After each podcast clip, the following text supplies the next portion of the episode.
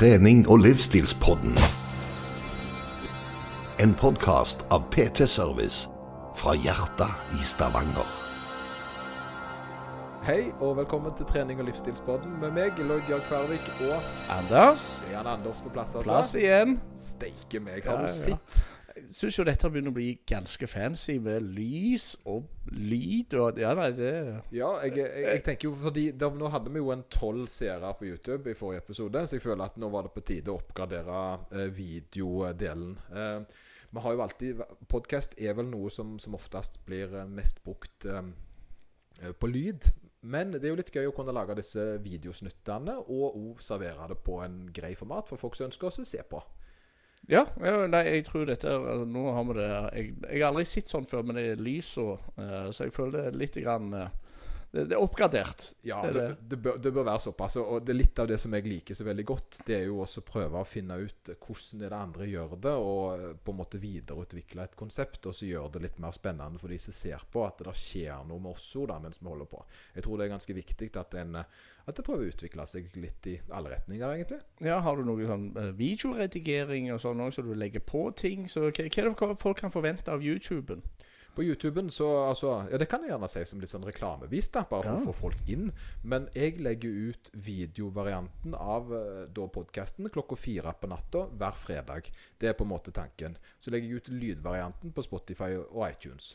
Så på YouTube så kan du da få se oss eh, live. eh, og så legger jeg ut snutter som på en måte skal være som teasere på TikTok og Instagram. Og det er veldig morsomt, fordi er det populært på TikTok, så er det ikke populært på Instagram. Og hvis det er populært på Instagram, så er det ikke eh, interessant på TikTok. Jaha. Jeg ser Hvis det er kort, presist og litt provoserende, så elsker de det på TikTok. Eh, og Da kan de kjefte og smelle på gamlingen som har rota seg inn. men men, uh, men uh, hvis på, på TikTok så liker, Nei, på Instagram så liker de litt mer at det er litt fylde i det. At de, de gjerne kan lære noe av det. da Så det, der, der holder de gjerne ut litt lenger. ja er det noe, er det noe sånn Er det på grunn av alderen, eller de, Ja, jeg, jeg tror nok gjerne det har litt med hvem som følger med god. Og på TikTok så tror jeg nok gjerne at den er mer for litt ungdomslig, da. Så feedbacken en gjerne får, det er litt sånn eh, På Instagram så er det 'Å, det var en fin refleksjon. Takk for du delte den. Jeg er litt uenig fordi jeg har opplevd dette.' Ja. Mens på TikTok så er det sånn Bullshit! Idiot! det kjempegøy. Det er skikkelig, skikkelig koselig. Ja, det var faktisk et godt argument. Ja, det var liksom bare idiot, liksom. Tren og hold kjeft, fikk jeg beskjed så, så OK. Så jeg prøver liksom gjerne å dra de inn i en samtale da om eh, Ja vel, eh, hva er det som er bullshit, da? ja. Men det De biter ikke på. De biter ikke på. Nei, Nei. Uh, men, men vi skal faktisk ha litt grann om det i dag.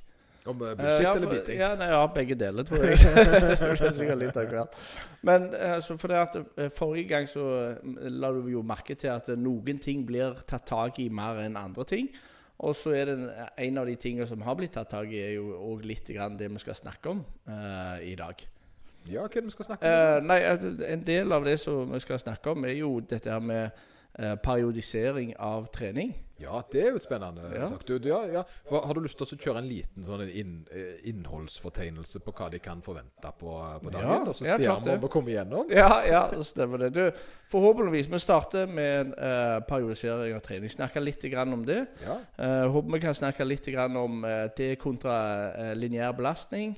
Eh, vi skal ha litt grann om eh, styrke, altså hvordan ha framgang i styrke, eller me mest mulig framgang i styrke. Hvordan ha uh, muskelvekst, altså best mulig framgang i muskelvekst. Uh, altså da med de forskningsartiklene som du peker til.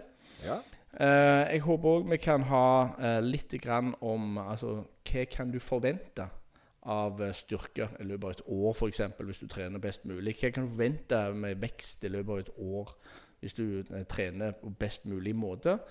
Eh, jeg håper vi kan snakke litt grann om, eh, om oppvarming. Oppvarming? Ja, stemmer det. Bare, bare kort og greit. Er oppvarming lurt? Hvorfor varmer vi opp eh, de tinga? Og Da selvsagt, siden vi snakker om oppvarming, så kan du òg få lov å snakke litt om yoga. Igjen. ja, ja, ja. ja, for yoga er jo god oppvarming. Eller nei, altså. ja, ja, ja, altså, vi begynner ikke allerede nå. Nei, vi må spare det ned til senere. Hvis vi har tid, så har det jo òg kommet uh, Eller det kommer, eller har kommet et uh, så Det skal være et forbud mot salg av energidrikk til barn. Ja, Om vi kan bare snakke litt grann om, om det. Det kan være godt. det kan være godt. Jeg har jo Ja. lest litt eh, altså, du, Det som er så artig med denne her, det er Mhm. at eh, du kommer jo med sånne Ja vel, Lloyd. eh, Du kommer med forskjellige temaer du ønsker oss å snakke om. Ja. Og så er, så, så, og er, og er temaene gjerne ganske Jeg vil si ganske gode. Uh, men de er jo litt sånn ganske sånn uh, midt de, de, det, det, Hvordan skal en forklare Litt det? hårete. Litt hårete, kanskje. Ja. At det er veldig um, Ja, hva syns du om det? Og så er det gjerne i den her um, kanten der ting ikke har satt seg ennå. Mm. Og det er jo litt sånn skummelt, da, for at du skal på en måte si din mening om noe som gjerne ikke er veldig um, bestemt om hva som er rett eller gale på det ennå.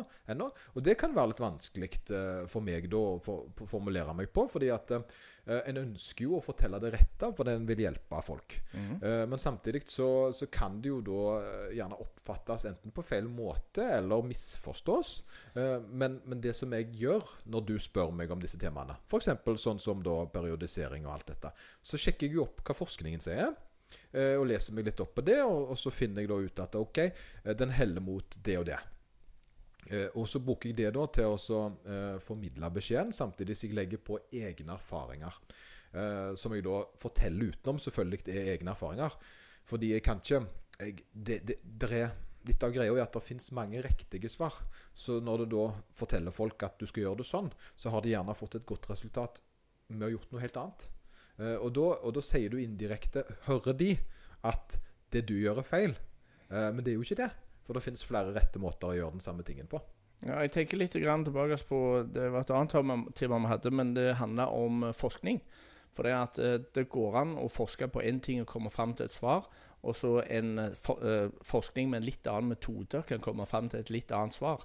Og hvis du ikke har mengdeforskning, så blir det litt vanskelig å ta veldig bastant ståsted. Så hvis du har f.eks. det med energidrikk, hvis det mangler litt forskning Hvis vi skulle hatt mer forskning på det, vi skulle hatt mer forskning på både energidrikk, vi skulle hatt mer forskning på barn, og hvordan koffein påvirker barn og sånn, så er det litt vanskelig å komme med noe bastant. Men hvis vi har noen meninger, spesielt opp imot eh, Kanskje ikke om det er farlig eller ikke, men at regjeringen har tatt en stilling til det. Det er noe annet igjen. For Ja. det er jo da, det, og det er jo det som er litt gøy. Da Det er jo da, da kan mm. vi på en måte si vår mening om en sak, og ikke nødvendigvis at det skal være fagstoffet, men heller handlingen bak. da Mm. Og det tror jeg er litt sånn kjempeviktig i forhold til det vi holder på med akkurat i dag. Så de temaene der er kjempekule. Hva vil du En ting til jeg kanskje har lyst til å snakke litt om. Så det er Er det kryoterapi det heter? Ja, eller isbading. isbading. Ja, det er ikke kryoterapi, for det er enda mer. Altså Kryo, Ja, okay. da går vi over til eh, veldig kaldt. Ja, ok. Eh, og det er sånn forbeholdt Joe Rogan og sånne Å, ja. cryo-chambers, som på en måte er at du setter deg inn i sånne mm, ekstrem kulde i veldig kort tid.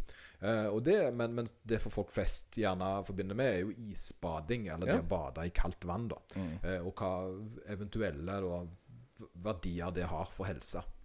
Hvor skal vi starte hen? Jeg har litt lyst til å starte på eh, hva er Altså periodisering av trening, da. Uh, kan du fortelle litt grann om uh, For du per periodiserer trening, gjør du ikke det? Det gjør jeg. Hvorfor gjør du det, og hva er periodisering av trening? Måten jeg trener folk på Altså, det, Først må en ta, gå litt tilbake og så må en fortelle litt grann hvordan jeg trente før, og hvordan de aller aller fleste trener når de starter. Uh, og Spesielt når de er yngre. Så trener de at de tar Si de klarer 80 kilo da, i en øvelse. 80 kilo i benkpress. Og Så klarer de fem repetisjoner av det, og så prøver de neste uke å øke til seks repetisjoner. Og så uka etterpå øke til syv, og gjerne når de har nådd åtte, så går de opp fem kilo, eller to og en halv, og så jobber de fem, seks, syv, åtte. Lineær øh, da opp, øh, økning i belastning, der de da gradvis prøver å pushe mer, mer, mer, mer, mer, og så tar de seg en uke fri, som de da kaller for en deload, eller uka rolig, da. Det er på en måte den gamle lineære måten å trene på, som en gjorde før, uh, før da. Mens i styrke Ja. Ja, Da snakker du vel egentlig om folk som blir trent, da? Men at det vanlige måte, iallfall sånn som jeg starter, sånn som alle de jeg har trent med, starter det Vi går på trening, vi lufter det vi klarer, vi går hjem. Ja, jo, jo, men de aller fleste som ja, en, Før det igjen, kanskje, men, men de aller fleste som på en måte fører opp det de trener, de prøver jo alltid å pushe én rep mer eh, på hver øvelse, f.eks. Det er sånn vanlig gutteting. Skal klare én mer enn siste uke i en øvelse. At de øker med enten øker belastning eller repetisjonene eh, hver gang de trener. Så at de gradvis at det blir tyngre og tyngre for hver uke, samtidig som de blir sterkere og sterkere. Det er en lineær progresjon. sant? Sånn at du på en måte tenker at det, det er litt den der du tenker at du løfter en kalv, og så for hver dag så blir han tyngre, og så løfter du han hver dag, og så blir du sterkere sammen med han. da. Den tankegangen der.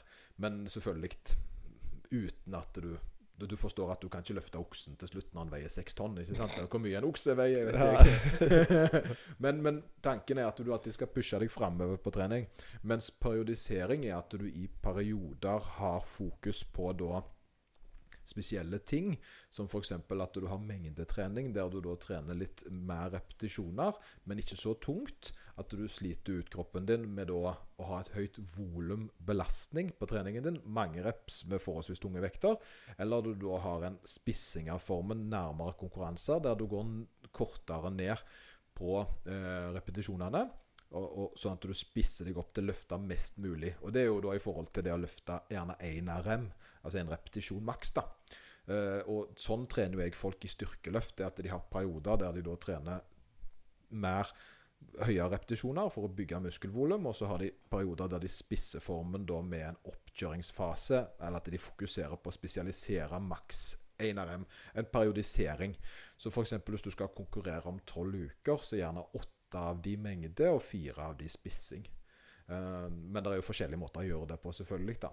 Og en ser jo det at jo mer og mer nå, så uh, gjør en endringer i forhold til hva som fungerer. Men den gamle Ditmar måten som de fleste norske styrkeløfterne er bygd opp på, den dreier seg i veldig stor grad på volum. Volum, volum, volum, og så topping av formen før konkurranse. Ja, jeg, Dittmar, jeg, jeg, kjenner en del som trener Dittmar sitt program. Uh, det er program, men Tidligere Ditmar eh, lagde vel program spesifikt til enkelte utøvere? Ja, altså det som er det at De aller fleste som trener Ditmar-program, har enten da det opprinnelige mengdeprogrammet som lå på nettet, eller oppkjøringsprogrammet som man la ut som egentlig mer litt Jeg skal ikke kalle det utdatert, for det fungerer veldig bra. Eh, men det var på en måte et sånt et som traff litt, litt alle. Og så eh, i forhold til den tyske vol, altså German volume training, da, som var på en måte hans prinsipp. Men egentlig flere sitt prinsipp, men det var liksom det han tok inn. Uh, og der var det jo at du gjerne ikke trente tyngre og tyngre, men du trente hver femte uke. Så var det veldig tungt, og så var det da litt mer volum mellom de femte ukene, f.eks. i noen av de programmene hans. Um, men det alltid var veldig mye trening. Sånn folk det var knebøy gjerne, eller en variant av knebøy tre til fire ganger i uka. Og folk flest er jo vant med å trene én gang i uka og sånne øvelser. Altså det. Men han sjøl, når han trente landslaget, så lagde han jo et individuelt treningsprogram med øvelser for hver enkelt uh, utøver. da. Så alle utøverne han trente, hadde jo ikke likt program. De hadde jo et program som passet for seg. Problemet er jo gjerne at mange har fått tak i gamle utøverprogrammer, som gjerne da har vært en utøver som har trent i 10-15 år, og så begynner de som nybegynner på det. For det er jo et det er jo et nivåøkning her, som man òg hadde i disse trenersystemene sine. Og da var det jo hvor mye volum du skulle trene. F.eks. en ny utøver skulle ha ca. 8000 repetisjoner på knebøy i året, mens da de erfarne kunne tåle helt opp til 16 000. Så det er jo mer, mer dager, mer volum da, rett og slett. Ja, Men det, det som han trente, det var vel òg det, det som vi snakker om periodisering? Definitivt periodisering. Eh, og hans eh, er jo da nettopp det at du skal ha da hente deg inn etter tungt økt. F.eks. hvis du har markløft, så skal du ha en rolig markløftøkt uka etterpå. Før konkurranse så kjører du markløft tre uker eh, før, den tyngste. Og så har du tre uker på å restituere med lett markløft før konkurranse. To uker i knebøy og gjerne ni dager i benkpress. Men det er ikke vanlig nå lenger. da. Nå ser en gjerne at en pusher det helt til mål gjerne for de aller fleste. Ja, jeg ser at eh, eller, Vi snakker mye om styrke her, og styrketrening. Ja. Eh, hvem er periodisering for? Veldig godt. Eh, sant? Fordi det som skjedde, da, det var det at når jeg la ut denne styrkesaken her, at en skal på en måte Når en trener mengde, så skal en jo ikke være En skal jo ikke trene så tungt at en ikke klarer hvert sett. Det skal jo være da et volum, og det skal gjerne ligge et par reps i reserve eh, på hvert sett. da, Men han trener gjerne flere ganger i uka. Eh? Og hovedfokuset da er jo selvfølgelig å løfte mest mulig, som styrkemessig. Men studier viser jo da at eh, hvis du skal trene mer retta mot hypertrofi, så har ikke det så mye for seg. Altså, det har ikke mindre for seg, vel å merke, men det kan vel så godt være effektivt å pushe tyngre eh, og høyere repetisjoner. da, at den på en måte har, Så hvis målet ditt er å bygge mest mulig muskler, så eh, kan en gjerne eh, akseptere å ha eh, mer, altså en, en lineær treningsplan kan være nesten like god hvis målet ditt kun er større muskler. Ja. Det er poenget. Ok, uh, Er det noe altså med uh, periodisering, er det noen ulemper med det? Altså Det krever jo litt kunnskap. sant? Det er jo det som er greia. og Plutselig så, du, så mister du lineær. Det er jo veldig enkelt. Løft mer enn du gjorde sist gang.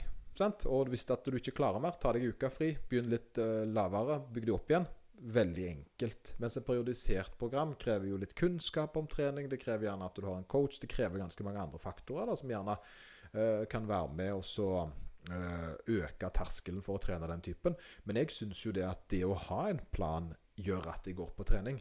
Uh, når jeg har f.eks. et treningsprogram som varer i si tolv uker, istedenfor at jeg skal pushe hver trening tyngre, så vet jeg det at i uke fire så skal jeg klare f.eks. så tungt, og uke åtte skal jeg klare så tungt. Eh, og da vet jeg at jeg må gjøre ukene mellom for å ha en sannsynlighet for å klare det. For at jeg kan se litt framover hva som kommer til å skje. Eh, mens hvis en bare pusher, pusher, pusher, så har en på en måte ikke den framtidshorisonten. Eh, og mye av problemene med disse studiene her er jo at de veldig sjelden du finner studier som viser OK, hva skjer om du trener periodisert over to år? I forhold til lineært. For de fleste sånne tester er jo gjerne mellom 8 og 12 uker. Så de har ikke så veldig lang holdbarhet, disse studiene. Så det er klart at det, det er veldig logisk hvis du skal gjøre en person veldig sterk som PT. da. Hvis jeg som PT skulle på en måte, Målet mitt er jeg skal gjøre deg sterkest mulig, eh, og jeg skal ta alle pengene dine. Sant? Så er jo det veldig logisk. Det er jo bare å hive masse trening på deg. Sant? Og bare pushe, pushe, pushe igjennom. At du trener knallhardt. Og det er klart at da vil jo du få en eh, adopsjon. Sant? Og i løpet av tolv uker så er det gjerne ikke så stor sannsynlighet at du skader deg. Uh, så dermed så får du mer for pengene dine, om du vil, da, i den korte uh, horisonten. Så du, får, du oppleves som om du fikk mer til, men egentlig så har jeg riska Altså jeg satt en risiko på treninga di som jeg gjerne ikke ville gjort hvis jeg hadde trent periodisert. Fordi et periodisert program tar gjerne høyde for at det er framgang, men mindre skaderisiko. Sant? Fordi du kan ikke bare ha masse volum og masse tyngde på et program og forvente her, ta dette. Så? Du vet at 50% av disse trendene skader seg. da. Det er klart at det er ikke et godt program, men et program som hver gang altså de programmene jeg lager, hvis jeg da gir de til noen og forventer gjerne en så og så høy prosent framgang på de, så vet jo jeg resultatet på forhånd hva de kommer til å få. Om det da er den optimale eh, om, en, om en kan få bedre resultater av å pushe seg? Ja, det kan en jo gjerne. Sant? For hvis en har et veldig genetisk potensial, så evner en gjerne å flytte grensen sin mye fortere enn det som er normalt en verdensmester, en som er destined for greatness, på en måte, sant? kan gjerne oppnå, altså, få gjerne fortere resultat enn en som gjerne ikke har så mye genetikk i samme sporten. da. Så f.eks. Eh, dra fram Kjell Bakkelund. som et, sant? Han ble jo verdensmester etter tre år. Og det er klart at den progresjonen han hadde fra start der, er jo veldig vanskelig å imitere med et treningsprogram. Sant? Du kan ikke forvente at det er 40% framgang på tolv uker. Sant? Men han hadde gjerne det i perioder i starten. da At du bare la på og la på og la på. Han la på ti kilo i uka, liksom. ja, men han hadde jo genetikken, talentet og alt på plass. Men så måtte han jo trene periodisert. Så han trener jo smart nå. Sant? Og han trente jo smart da selvfølgelig. Men det var jo heldigvis noen coacher, som da Dittmar, som fulgte han opp og sørga for at han hadde best mulig forutsetning for å lykkes med hans talent. Mens eh, det er jo da et utspring av de vanlige folkene en trener. For hvis en trener 100 personer, så er gjerne to av de sant, på den enden, og så to av de på andre enden, at de gjerne ikke får noen framgang. Så har du da det snittet da, som du gjerne tar. Hvis du sier du har et sånt talent, uh, vil det gjøre at du mindre sannsynlig får skade? Eller er er skaderisikoen den samme uansett? Altså det, det som er, det er at du har eh, gjerne en, Det kommer litt an på, da. For da finner jo du de uheldige talentene som da har all verdens eksplosive talent, men er veldig skadeutsatt. Sant? Som folk som gjerne eh, Jeg jeg kjente, eh, som, eh, som klarte Altså Han lå jo på topp på alle disse Olympiatopp-testene i forhold til sant, idrettsutøverne der. Men problemet var at han var alltid skada fordi han pusha seg så hardt at kroppen ikke klarte å holde det. Så har du andre folk som aldri blir skada, uansett hva de finner på. Sant? Og det er klart at Hvis du da har en person som har, et, en, har en kropp som tåler mye juling, samtidig som en har en mental evne til å pushe det, så vil den gjerne gå veldig uh, mye lenger enn noen som ikke har de samme genetiske forutsetningene. Da. Så den som blir best i verden, må jo da ha Oi, kommer det et helikopter over, for det er sykkelritt i dag. Så det er jo litt action her på, uh, i Stavanger òg. Har du blitt påvirka av uh, Av sykkelrittet? Ja. Uh, nei, ikke påvirka annet enn at jeg vet at det var et par veier som stengte. Jeg vet at det var De skulle sykle forbi, masse folk skulle se. Men det var jo på TV òg. Så da tenker jeg at eh, det sitter folk og ser på TV. Og det, så det har ikke påvirka meg noe voldsomt. Jeg syns jo det er kjekt, for det at dette er jo Altså det er jo topptrente idrettsutøvere. Ja, De sykler forbi. Og jeg antar jo at de òg driver med periodisering av sitrening Ja, det, det kan du trygt si. Altså, spesielt folk som driver med kondisjonstype trening. da. Uh, altså, den type utholdenhet som det, både når det gjelder løping og sykling, er jo at det er et veldig høyt behov for volum. Eh, så at en, jeg tror jeg mener å lese at eh, løperne f.eks. de trener jo en plass mellom på snitt 180 km i uka, de beste. Eh, og 80% av det er jo forholdsvis definert som lavbelastning, da, sone 1, sone 2, mens da 20% av det, som da blir tross alt en del titalls kilometer, er ganske hardt igjen. Så de trener jo Uh, Hovedbulken av uh, treninga består i eh, ganske eh, mindre belastende trening. Så du blir syk, uh, eller får en skade. Det trenger ikke være en idrettsskade, det kan godt være du bare knokker foten din. Men jeg ser jo for meg at det fort kan gå utover denne periodiseringa av treninga. Det kan gå utover programmet, for da klarer du ikke å oppnå det du skal oppnå. Er programmet ødelagt da? Det som er der, det er at eh, et program som er lagt for deg, da, skal jo egentlig være sånn at du ikke blir skada. Det skal jo ikke være en belastning som gjør at altså, tren, For å si det sånn, treningsprogrammet ditt skal ikke ha en intensjon om å gjøre deg skada. Og en skade er jo en form for overbelastning i forhold til det du tåler å gjøre. Så, så hvis programmet ditt er såpass tungt at du ender opp med å skade deg på det, så er jo programmet feil. Eh, og der har du det ordet periodisering. Det skal jo være din mengde periodisering. Det kan jo ikke være sånn at one size fits all her. Så jeg har f.eks. nybegynner, medium, viderekomne. Du kan på en måte sette, må sette folk inn forbi en bås hvor lenge de har holdt på, før du gir det til dem. da. Men eh, når det gjelder skader, så kan det jo skje, selvfølgelig. Altså Folk kan jo skade seg på det mest utrolige. Og tingen er jo det at det er jo ikke bare, jo ikke bare treningsprogrammet som påvirker hva form en er i. sant? Hvis en har en fysisk jobb, da, eller en sover dårlig, eller han har mye stress i kroppen sin og diverse, så har jo det en negativ påvirkning gjerne på restitusjon. Som, så det er vanskelig også på en måte spå alle grunnene til at en kan eh, komme seg helskinna gjennom et treningsprogram. Eh, Det som skjer når du skader deg, er jo det at Dette er litt viktig tror jeg, for folk å vite. Det er det at eh, hvis du får et opphold i treninga di, så må du ikke starte på ny igjen. Eh, kroppen er lagd sånn at eh, han er veldig god på å huske hvor du har vært. Han har satellittreseptorer, som det så fint kalles, som er mer eller mindre bokmerker han setter i forhold til hvor høyt du klatrer. Så hvis du f.eks. har kommet deg opp til si 100 km, da, det er bare et tall jeg finner på, sant? og normalt er 10 km, så, og du tar et pause på et helt år, så må ikke du jobbe deg like, like lenge opp igjen til den 100 km. Eh, fordi at, eh, sant? at du er ikke på null, da. Faktisk så har en ofte et problem med at en kommer så fort tilbake igjen at kroppen klarer ikke å henge med. Sant? Fordi musklene er såpass eh, Å, dette husker jeg.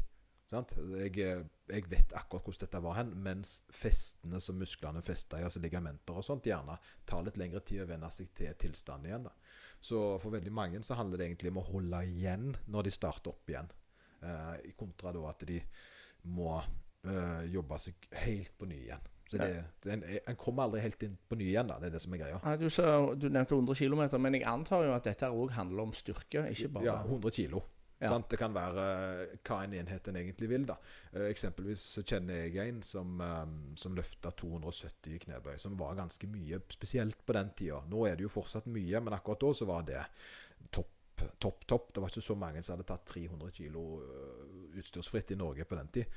Så han var veldig sterk. Eh, og så slutta han å trene fordi eh, han eh, ble far og studerte økonomi, og ja, sånn livet skjedde.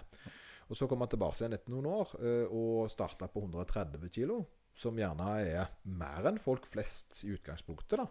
Eh, men etter tre måneder så hadde han 240. Ja. Sant? Og det er klart at uh, den progresjonen hadde ikke han. Han brukte ti år opp til 270. Sånn før han nå var i gang på ny runde. Og da må en passe på, for det at gjerne etter et år opphold så er gjerne ikke kroppen så klar for å løfte de vektene som han var etter ti års trening systematisk. da. Mm. Så det har han gjerne en sånn en litt sånn ting en må passe på andre veien. Hvis du skal lage et periodisert program for deg sjøl, hvor mye kunnskap trenger du? Jeg, jeg tenker jo det at eh, den beste kunnskapen får en jo av å gjøre det. Eh, og litt av grunnen til at jeg har fått en del erfaring med treningsprogram, er jo fordi jeg var dum nok til å begynne. Eh, og når jeg ser opp i treningsmappa mi, så har jeg 1600 forskjellige programmer. Det er en stund siden jeg sjekka sist. Eh, men de, det begynte jo med tre ganger ti på benken og tre ganger ti. sant? Altså den klassiske trisplit, bro-split-greia. Ja. Så har det jo blitt gradvis mer avansert med Excel og formler og langsiktig planlegging. Og, og utviklingen av meg som person har jo skjedd sammen med dette. Jeg har jo lært meg på en måte mer og mer hvordan kroppen fungerer. da. Eh, Så, men jeg tror det at eh, hadde ikke jeg starta en gang, så hadde jeg jo aldri kommet der jeg er nå i forhold til erfaringer. Og så en må jo på en måte bare Jeg tenker at en finne, finne, må finne seg ei prøvekanin, og så selvfølgelig ta noen kurs, og gjerne ikke gjøre for store endringer i forhold til standardmalene, men se litt hvordan det fungerer, og så selvfølgelig å prøve på seg sjøl. Ja, eh, eh, altså Da tenker jeg jo uh, på ditt massive program, f.eks. Det ligger jo tilgjengelig. Ja. Så folk kan jo få tak i det. Uh, trenger du noe mer kunnskap utover det? Altså for det Der antar jeg jo at han kommer til å skrive hvor mye opp du skal i vekter og sånn.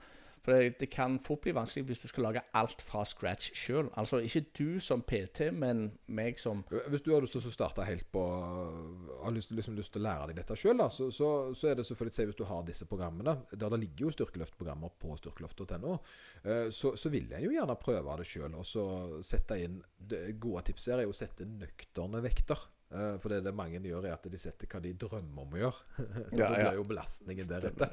Så gjerne sett ting som du ganske lett har gjort fra før av, og så trene og så kjenne hvordan dette føles på kroppen. Nå kommer jeg jeg for eksempel kommer hjem fra trening i Sandnes Atletklubb i dag. Kjempefornøyd. Det er derfor jeg har uniformen på meg. Uh, og, og da trente jo jeg en av Jeg trener jo en av mine programmer, da. Uh, og jeg syns jo det var kjempegøy. altså, jeg, jeg har ikke jeg, trener, da, jeg har trent mine programmer alltid, men jeg lager det ikke til meg. Fordi det er veldig vanskelig til å lage program til seg sjøl. Men jeg har lagd en mal ut av kunnskapen og utviklingen jeg har hatt med å trene mange. Og så har jeg satt mitt navn på og mine kiloer på. Eh, og da selvfølgelig de øvelsene som jeg vet at jeg bør trene på, fordi det er mine svakheter. Så er periodiseringa egentlig gjort med tanke på mange, eh, men jeg er da en del av den forskningspolen der, da. Og det var litt gøy, for jeg har aldri trent sånn som jeg gjorde i dag. Nemlig da med single og korte pauser istedenfor å kjøre repetisjoner eh, uten stopp. Eh, så syns jeg faktisk det var en veldig kul måte å trene på. Men jeg har jo aldri gjort det før. Jeg har jo utelukkende knekt det ut som en ond plan. ikke sant? Ja. Eh, jeg tenkte, det, Sånn må vi tvinge folk til å løfte, for det, da er de nødt til å fokusere på teknikk på hver repetisjon. Sant? Men jeg har aldri gjort det med meg sjøl. og nå når jeg gjør det, så var det sånn Nei, dette var faktisk kjempegøy. Men så ble jeg jo litt sur for det var jo veldig tungt. uh, men hvem er det som har gjort det sånn? Jo, det er meg. Så jeg må jo bli sur på meg sjøl, da. Så, sånn er det. uh, hvis du er ny, da. Vi har snakket litt grann om det tidligere òg, at du sier du ikke starter med fem økter i uka, så sier du starter med to økter i. Eh, Altså- aldri trent før. Begynner de med periodisering av trening, eller? Jeg, jeg vil si det. altså, men Tingen her er at eh, OK, hvordan starter en, da? Uh, hvis, her, er- hvis målet er styrkeløft, da, eller bli sterk, så ville jeg jo oppsøkt en styrkeklubb. Sant? Det er jo det som en gjør, og det er jo mange fine klubber rundt i Norge. Og de har jo veldig uh, lyst på nye utøvere. Og hvis du kommer inn der, så får du jo hjelp. Det er jo mange trenere som har tatt trenerutdannelsen som jeg gjerne sant, som jeg har, som jeg har tatt. Som da har lært seg å lage programmer. Og så begynner en gjerne i den enden, der en da gjerne får et program, lærer seg hvordan det er å trene det. Eh, og så fortsetter en da å trene det, og samtidig som en begynner å trene andre, og tar gjerne utdannelsen via styrkeløpsklubben eller andre idretter. For dette er jo norsk, da. Norsk opplegg, egentlig, at en på en måte lærer seg også Uh, altså En begynner som rekrutt, sant, på en måte, og så blir en mer og mer erfaren etter hvert mens en er i klubben og tar til seg kunnskapen av de gamle som er der allerede. da.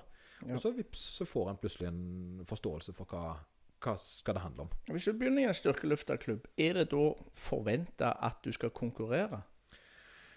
Liten Ja, det vil jeg si. Altså, men sant, det er jo en del av det, da. Uh, en må ikke, men jeg tror nok de aller aller fleste ønsker å få deg med nettopp fordi det er veldig gøy. Mm. Og det er jo litt det som er greia. Det er at uh, En skjønner gjerne ikke hvor gøy det er før en har prøvd. Uh, og jeg tror ofte at jeg tror de aller aller fleste trenger enten en offisiell eller en uoffisiell dato å gjøre ting på. Sant? Det er noe med å sette 'nå skal jeg gjøre det', da. Ja. Så jeg tror egentlig at alle har godt av å prøve en eller annen form for konkurranse, om det er i smålsetting eller stort. Det er liksom ikke sånn. Men, men det er noe med det, altså. For en får jo virkelig eh, En får jo et veldig ærlig svar på hvor en er hen. da. Ja, jo, for jeg ser, ser for min del, f.eks. Jeg er Uh, jeg liker egentlig ikke veldig godt å konkurrere. Og Det er flere grunner til det. En grunn er at uh, jeg er en uh, dårlig taper, og en annen er at jeg er en enda dårligere vinner. Og så en annen ting er at det blir så altoppslukende. Men det betyr ikke at jeg ikke har lyst til å bli sterkere. Det betyr bare at jeg ikke har veldig lyst til å konkurrere. Så tenker jeg Det er sikkert mange som ikke har lyst til å konkurrere, men har lyst til å bli sterkere. Og hvordan får du eh, best mulig progresjon innenfor styrke uten å konkurrere? Altså, ja, For du må jo teste deg, og det gjør du jo. Mm. Du tester jo formen din. Sant? Eh, når du har eh, Når du løfter 240 markløft ja, ja, ja, ja, Veldig viktig å få, få det inn der. Eh, når du løfta det, så var det jo fordi du har trent systematisk over lang tid og flytta din personlige rekord. Hadde du aldri testa formen din, så hadde du ikke visst at du var blitt sterkere. Sant? Og det er litt sånn på samme måte som en lineær framgang, da, som de gjerne sier. Men da hadde en jo pusha, pusha, pusha. Men her har du fått et svar, fordi på programmet ditt så sto det at du skulle løfte mer enn før. Eh, og det er jo en form for konkurranse, det òg, da. Eh, Om det må gjøres offisielt med singlet, det er jo én ting. Men jeg er ganske sikker på at du var, ganske, at du var glad etter du fikk til den løftet. Ja, eh, det, altså, jeg, jeg, var jo voldsomt glad. Og det, det at jeg, jeg, så at det, alt som lå bak, eh, på en måte bare falt på plass. Og så løfta jeg den, og så var det egentlig eh, det var en stund siden eh, jeg hadde vært oppe i vekta. Og så når jeg går opp, da, så ser jeg egentlig at det fungerer bra. Men, eh, og det, det, er sikkert mange, så jeg tror jo at den viktigste konkurrenten er jo egentlig deg sjøl. I mitt tilfelle så er den viktigste konkurrenten det er meg. Egentlig. Men det er mange som har lyst å bli eh, sterkere enn det de er nå. Og så tenker jeg da bare den beste måten for å eh, bli sterkere, eh, hva, hva er det du må gjøre? Ja, det, er ikke, det, er ikke, plikt å konkurrere, men det å delta gjerne, altså Hvis du på en måte melder deg inn i en klubb, så er det jo gjerne litt forventa. Og det har jo jeg en jobb å gjøre sjøl. Nå er jo jeg regionstrener, så jeg gjør jo litt for regionen. Men for klubben min så kunne jeg nok vært bedre eh, med å stilt opp og hjulpet folk og heia og så på en måte pusha og alt det der greiene der. Så en har på en måte en liten jobb med å tilføre en del av seg i miljøet. da. Eh, det trenger jo ikke bety at en skal konkurrere, eh, men at en er med å løfte andre på samme måten som en sjøl er blitt løfta opp. Så, så, er det jo på en måte en sirkel som aldri slutter, og det er jo en bra ting. Ja, Konkurrere med Nei, ikke konkurrere, men trene med program kontra det å trene uten program. Hvor stor er forskjellen der? Stor forskjell. Eh, fordi at eh, Her snakker vi ikke lenger engang om en lineær progresjon. Altså Hvis du ikke engang skriver ned hva du gjør, så, så blir det veldig vanskelig. Fordi vi er ikke gode på å huske ting, altså. Eh, og det blir eh, Og jeg ville sagt at det, det, viktigste du gjør om du ikke trener periodisert, er å skrive ned treningsøktene dine. Få deg en kul dagbok, eh, og så fører du opp hva du gjorde. Eh, og så bruker du det til å utvikle deg. Sant? Sette opp et fast program. Spesialisere Litt av det som handler om å bli sterk eller bygge muskler, er jo at du lar kroppen tilpasse seg det, til det du holder på med. Så hvis du trener biceps curl en gang i måneden, så har jo ikke kroppen noe sånn kjempebehov for å gjøre noe imellom treningsøktene. Trener du det nok til at du utvikler deg, da. Altså, sånn som jeg, jeg sa i en, eh, et innlegg Altså, jeg lagde et lite videosnutt jeg la ut på Instagram i dag, uh, at uh, hvis en skal ha maks utvikling enten for styrke eller muskelvekst, så bør en ligge mellom 10 og 20 sett i uka. Sant? Og ha en belastningsgrad på mellom 3 og 0 repetisjoner i reserve. Så bør, og, og, så kan en gjerne pushe hardere på de små isolerende musklene, som biceps og sånne ting. Og det er klart at da snakker vi sant? 10 sett gjerne i uka. Sant? Hvis vi tar det som et eksempel, da, med 10 repetisjoner. Det er 100 repetisjoner i uka på biceps, f.eks. Hvis du da gjør det annenhver uke, så har du jo egentlig bare 50 repetisjoner i uka i snitt. Men du har òg to uker med restitusjon imellom, så det er ikke så god grunn til at du vokser som hvis du da trener hyppigere. For kroppen den trenger adaptere. Den adapterer det du gjorde på trening, og prøver å gjøre seg sterkere. Og så skal du tilføre ny stimuli og så skal den adoptere ny stimuli. Og Det er jo det som er hele konseptet med trening. At en konstant sørger for at kroppen har mer motstand i det en gjør. da. Eh, og det trenger ikke nødvendigvis bare være å gjøre det tyngre, men å gjøre det eh, mer som volum. At en har flere repetisjoner. Ja, så, sånn som jeg tenker på det, så er det eh, altså 10 ganger 100 kilo det er 1000 kilo, mens 1 ganger 200 er det er 200 kilo, det. Ja, så, så du gjør det. Sånn du egentlig får volum. Og så tenker du den samlede greia er på en måte viktigere enn den ene. Totalen der. sant? Ja. En må likevel ha nok belastning til at kroppen får en reaksjon, og det skjer først på rundt 55 50-60% av belastninga. Altså, står du der med et kosteskaft og vifter, så skal det veldig litt til for å bygge muskler. Men det kan være ganske lett, og du fortsatt bygger muskler. altså. Men da handler det jo om hvor langt du er villig til å pushe deg ut i forhold til eh, reps i reserve. da. Ja. Og så gjør du ti reps eh, med eh, håndløft, altså med å løfte hendene i været ti ganger, så blir du ikke sterkere av det. Men uh, hvis du holder i noe tungt mens du gjør det, så vil du jo selvfølgelig få en framgang. Men hovedforskjellene på det å eh, bygge maksimal styrke og det å bygge maksimal Eller kropp eh, vokse mest mulig. Er det noen forskjeller i treningen der? Ja, og det er jo det som er litt av, litt av greia. Jeg fikk så mye pes. Gamlefar blanda seg inn i TikTok. eh, så, fordi at eh, forskningen er jo litt sånn eh, på kroppsbyggernes side nå, endelig. For nå har det vært en ganske lang periode der alle skal ikke trene så tungt og bare volum. Ja. Mens eh, hvis hovedmålet ditt er hypertrofi og muskelvekst, så spiller det Bør du pushe det mer. Trene tyngre, litt høyere reps. Sant? Det er litt lettere å kjøre seg ut på en 8-12 repetisjoner. Eh, og, og gjerne komme nærmere da maks, maksen din. At du trener deg mer ut per eh, sett da, for å bygge muskler. Eh, det har ikke så mye for den styrke til vendinga. Der har det på en måte mer den her holde igjen, jobbe med tyngre og litt lavere repetisjoner. Eh, men for muskelvekst så skal en pushe litt hardere. Trener du deg i kjelleren hver økt? Nei, du gjør ikke det. Og det er jo det som er. sant? Altså, det, og her var jo på en måte saken. For når jeg sier at ah, du må bygge overskudd og ikke trene deg ned i kjelleren, så er det helt riktig. Men da tror folk at du skal trene lett. Og det skal det jo ikke. Det skal jo ikke være lett på trening, sånn kos og dilledall og stryke litt på apparatene. En må jo sørge for at en flytter grensene sine. Eh, og det gjør en jo enten med å trene mye eller med nok belastning til at en blir litt sliten. Eh, og, men det skal ikke være sånn at du på en måte du kan ikke gå all in på absolutt alt, men om du tar eh, så mange repetisjoner du klarer i bicep curl, sant? og du klarer 14 og blir sliten og ikke klarer den 15., så er ikke det det samme som å prøve å makse seg ut på knebøy. Fordi det er en såpass kompleks øvelse som sliter deg ut. Sant? Og det er tekniske ferdigheter som gjerne blir påvirka av at du går så nede i kjelleren. da. da sitter, det er noe med f.eks. ei jeg kjenner, som kjørte 20 reps på 120 i markløft. nettopp. Hun ble jo, hun ble jo fysisk uvel. Kvalmen. Sant? Hun ble jo dårlig. Pustebesværet litt forskjellig. Eh, det var jo et stunt du gjorde fordi det virka gøy.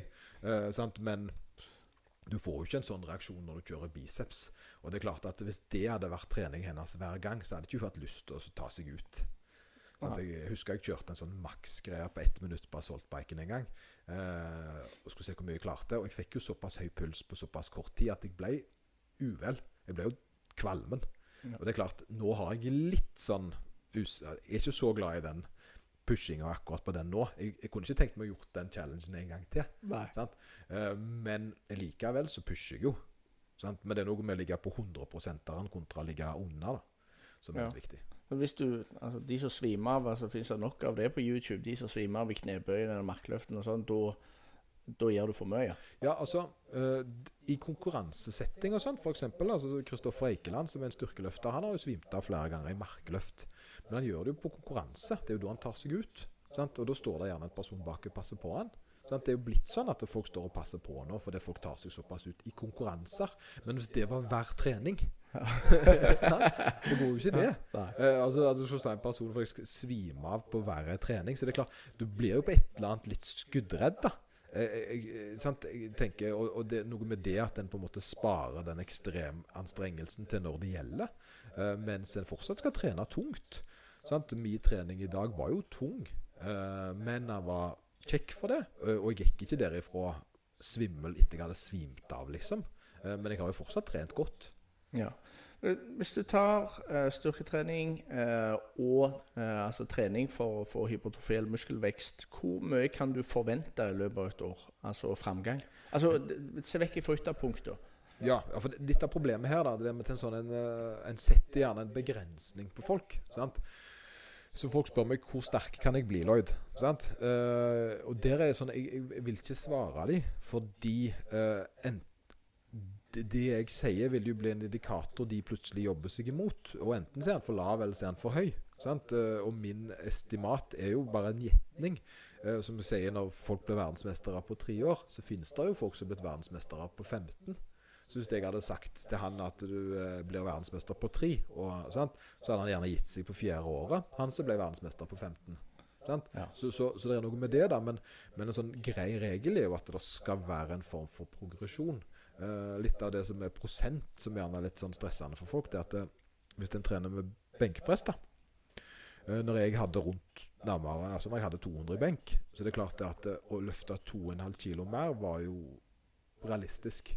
Sant? Og det gjorde jeg en gang iblant. Eh, men når jeg da som løfta 200 kg, løfta 2,5 kg mer, så var det 1 sant? Ja.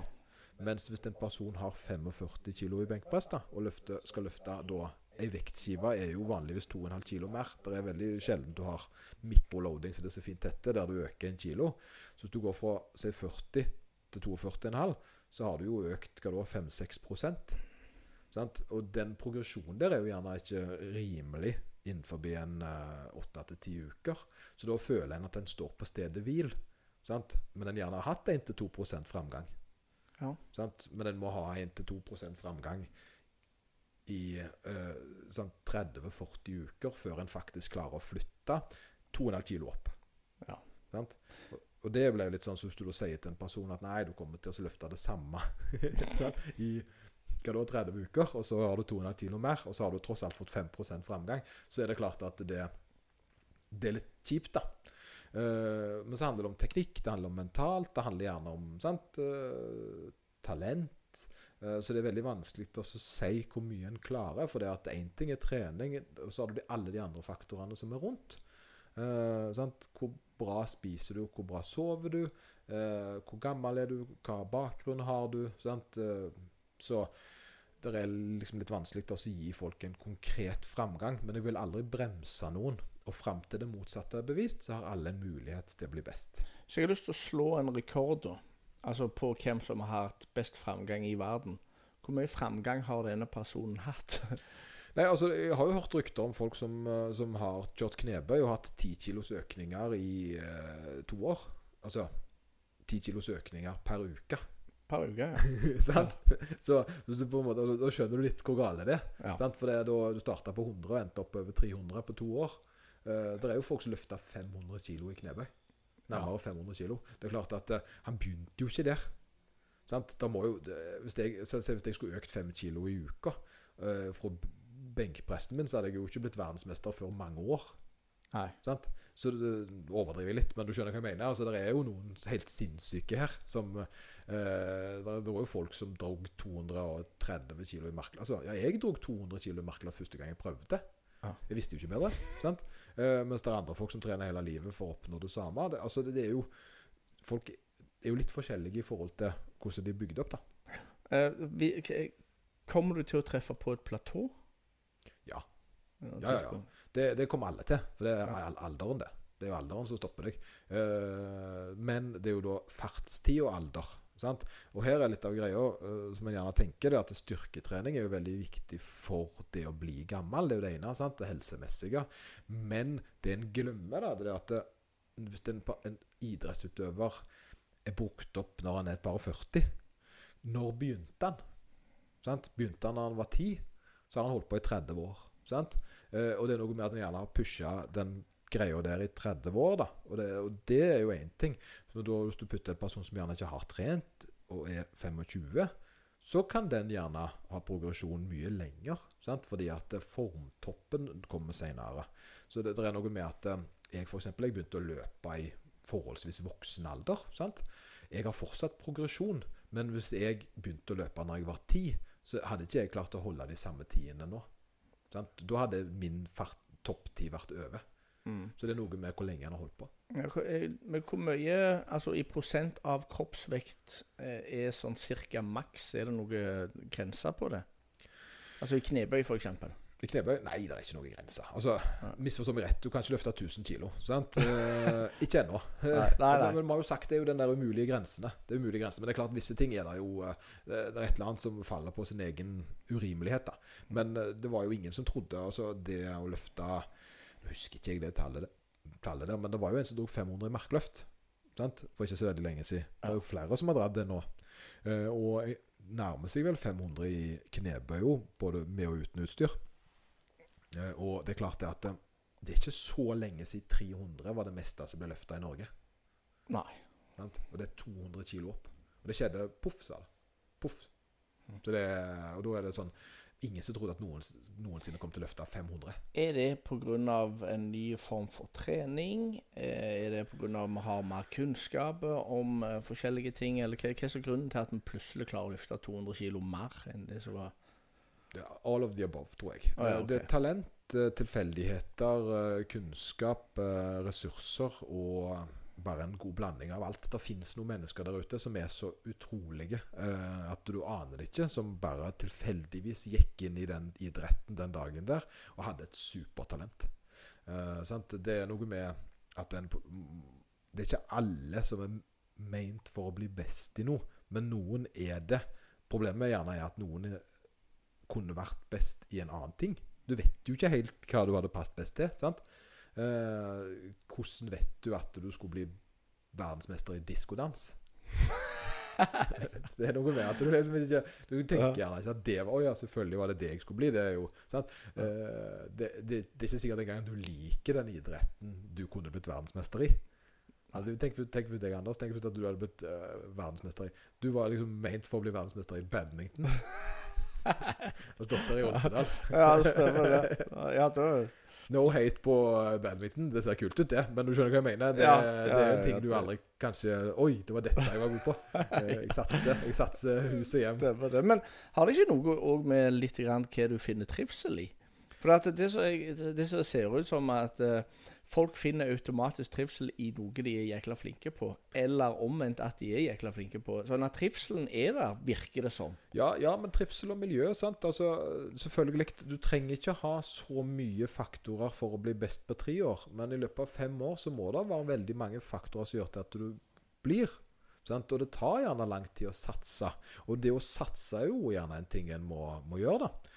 Eh, Så, så jeg tror det er viktig at en havner inn i noe som tar vare på deg og bygger deg opp. eh, vel, som du har lyst til å være med på.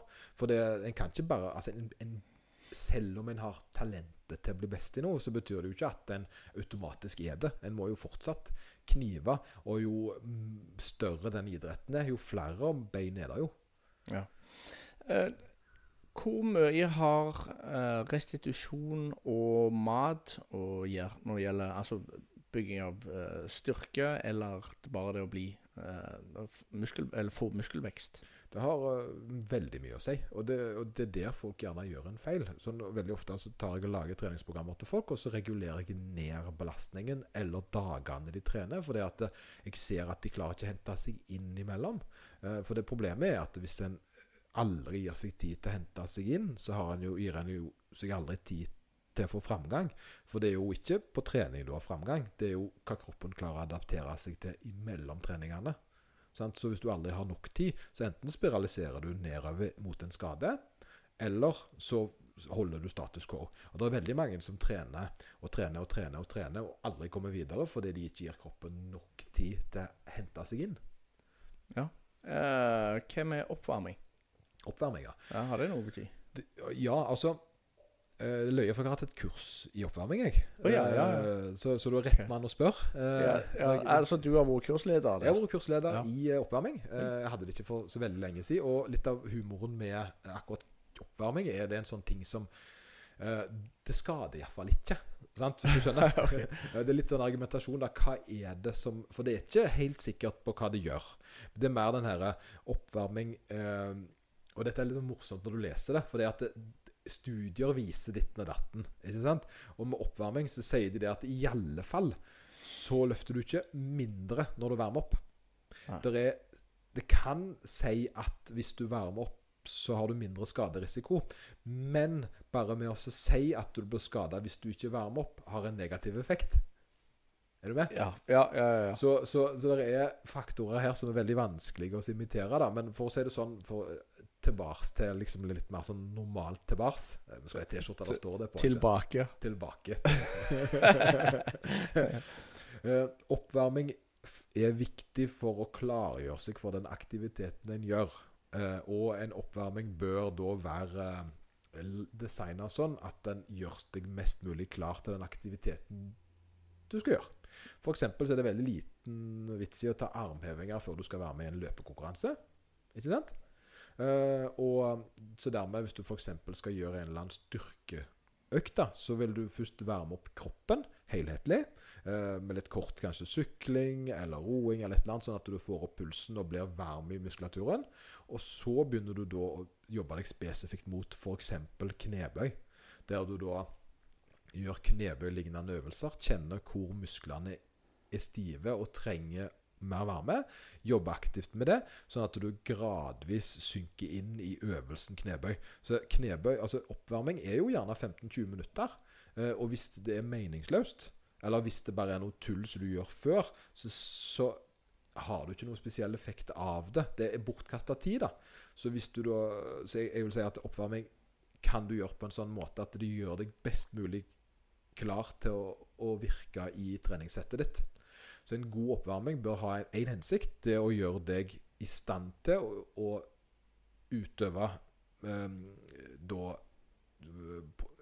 Det du har tenkt å gjøre? Det du har tenkt å gjøre, ja. ja. Sånn, så f.eks. at du varmer opp eh, kroppen med, med sykkel. Eh, og så tar og tøyer og jobber litt klar, sånn at du blir myk nok til å gjøre knebøy. Og så gradvis går du inn i øvelsen knebøy, så gjør du knebøy. Så de 15 minuttene du gjør tre til fire ganger i uka, ikke bare er en time i uka med bortkasta tid. Ja.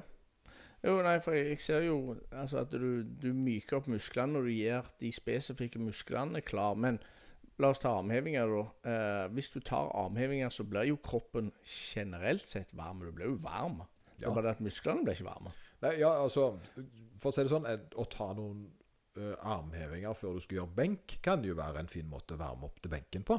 Mm. Uh, der du da gjør litt av øvelser. Det er jo det vi gjør. sant? Vi varmer opp skuldrene. Vi får først tøye litt rygg, diverse gjør, gjør oss prima til å ligge best mulig i benken. Og så begynner vi jo med stang sant? og gjør øvelsen. Men om en ønsker å gjerne jobbe litt på bakken med armhevinger og sånt først, så vil jeg ikke sagt at det var en negativ måte å varme opp til benken på, for du primer jo den samme muskulaturen. Uh, sånn at du da er varm uh, og i stand til å yte best mulig. Ja, hvor mye er for mye? Eh, det meste. altså, okay. det, kommer, det, kommer, litt an på hva du har gjort før. sant? Uh, så Kommer du rett fra senga, så trenger du gjerne mer oppvarming. da. Uh, og Det er det som er greia. Fine, fine her er hvis du er i Syden og du er varm i kroppen og kommer rett ifra å spille litt volleyball på stranda, så skal det ikke så veldig mye oppvarming til før du kan gjøre en fin knebøy. Men jeg vil sagt det at oppvarmingen den er fram til du klarer å utføre øvelsen riktig, og det føles naturlig ut for deg. Ja. Sant? Så hvis du da er myk nok til å gjøre øvelsen, så er du jo egentlig varm nok. Andpusten, svett er det kanskje litt i overkant. Ikke, ja, ja, i styrke er det det. Ja. Eh, men hvis du skal drive med en type kondisjonsretta ting, så er det jo lurt å løpe litt før løpet. Det sant? For å gjøre kroppen klar til faktisk å yte med, med høyere puls. Ja. En skal ikke gå kald inn i en løpskonkurranse og løpe seg varm. Da, da ender en fort opp med å komme over terskel. Ja, tøying. Tøy, tøy, altså, tøyer du før øvelsene, tøyer du etter øvelsene? I, og tøy- og etterøvelsene har lite hensikt. Eh, Ja. Da trener du bare mer. Og det er det jeg ser veldig ofte folk gjør. Det at de står der og drar i f.eks. løping. da, de, står de der og strekker ut leggen etter de har banka leggen sønder og sammen altså 10 km. Ikke sant? 10 000 steg, og så skal de stå de drar i fibrene etterpå. Tøying er styrketrening. Eh, og du kan klargjøre kroppen med å tøye før. Eh, og det er klart det at eh, det kan være en fin måte å gjøre han klar for aktiviteten du holder på med. Eh, noen sier at uh, gjør du det dynamisk, så kan det ha litt negativ effekt på ytelsen. Men jeg syns det er viktig at kroppen er myk nok til å gjøre øvelsen riktig. Så da har du det med den komplekse hvordan du gjør, skal gjøre øvelsen. da. Uh, Du har tidligere også snakket om dette med yoga. Uh, yoga eller mobilitetstrening, er det det samme? Nei, altså yoga er jo mer en uh, klan, sant? Uh, nei, nei, yoga er jo en treningsform, mens Ja. mobilitet er jo noe du har. Sant? Eh, Du, vi har Ja. Og det var det jeg lærte når jeg gikk, hadde et sånt stretchingkurs som som jeg gikk på. I forbindelse med noe balansegreier for mange år siden. Veldig bra opplegg. Eh, og der hadde de en ting som var litt kult. For der var det stretchingkurs, og du lærte deg å, å tøye. Eh, og måten du lærte å tøye på, var jo da eh, at du først lærte hva som var normal bevegelighet. Og så lærte du da hvordan du kunne jobbe for å få folk inn i den normale bevegeligheten. Sant? Ja. Fordi at eh, Kati skal du tøye når du trenger det. Ja. Det er jo veldig logisk. Yoga er jo mer en uh, helhetlig uh, sak. Nå ikke noe hate på det. Det er jo en opplevelse i seg selv. Det er jo en treningsform på samme måte som eh, som altså styrkeløft eller crossfit eller tennis. Sant? Altså Du går inn og gjør yoga, og så er du da i posisjoner som da jobber med sinn, kropp og alle disse tingene her. Men yoga krever jo stor grad av mobilitet for at du skal klare å gjøre poseringene, pos, posisjonene du skal stå i. da. Ja. Det krever jo en del eh, bevegelighet som en gjerne ikke trenger i andre aktiviteter. Jeg antar jo at du får den her mobiliteten av å trene yoga, altså etter hvert. Ja, altså Det som er med, med tøying, da Vi skal ta en liten av det. altså Hvordan skal vi tøye? Eh, det folk gjør, For folk flest tøyer jo feil hvis de skal begynne en tøye, et tøyeprosjekt. For starten så må du tøye daglig. Tøye det noen uker til du oppnår da nivå av fornøyd eh, bevegelighet. Og så kan du vedlikeholde med to-tre ganger i uka. Men du skal trene ganske hardt for å skape en reell eh, endring, altså, og holde den.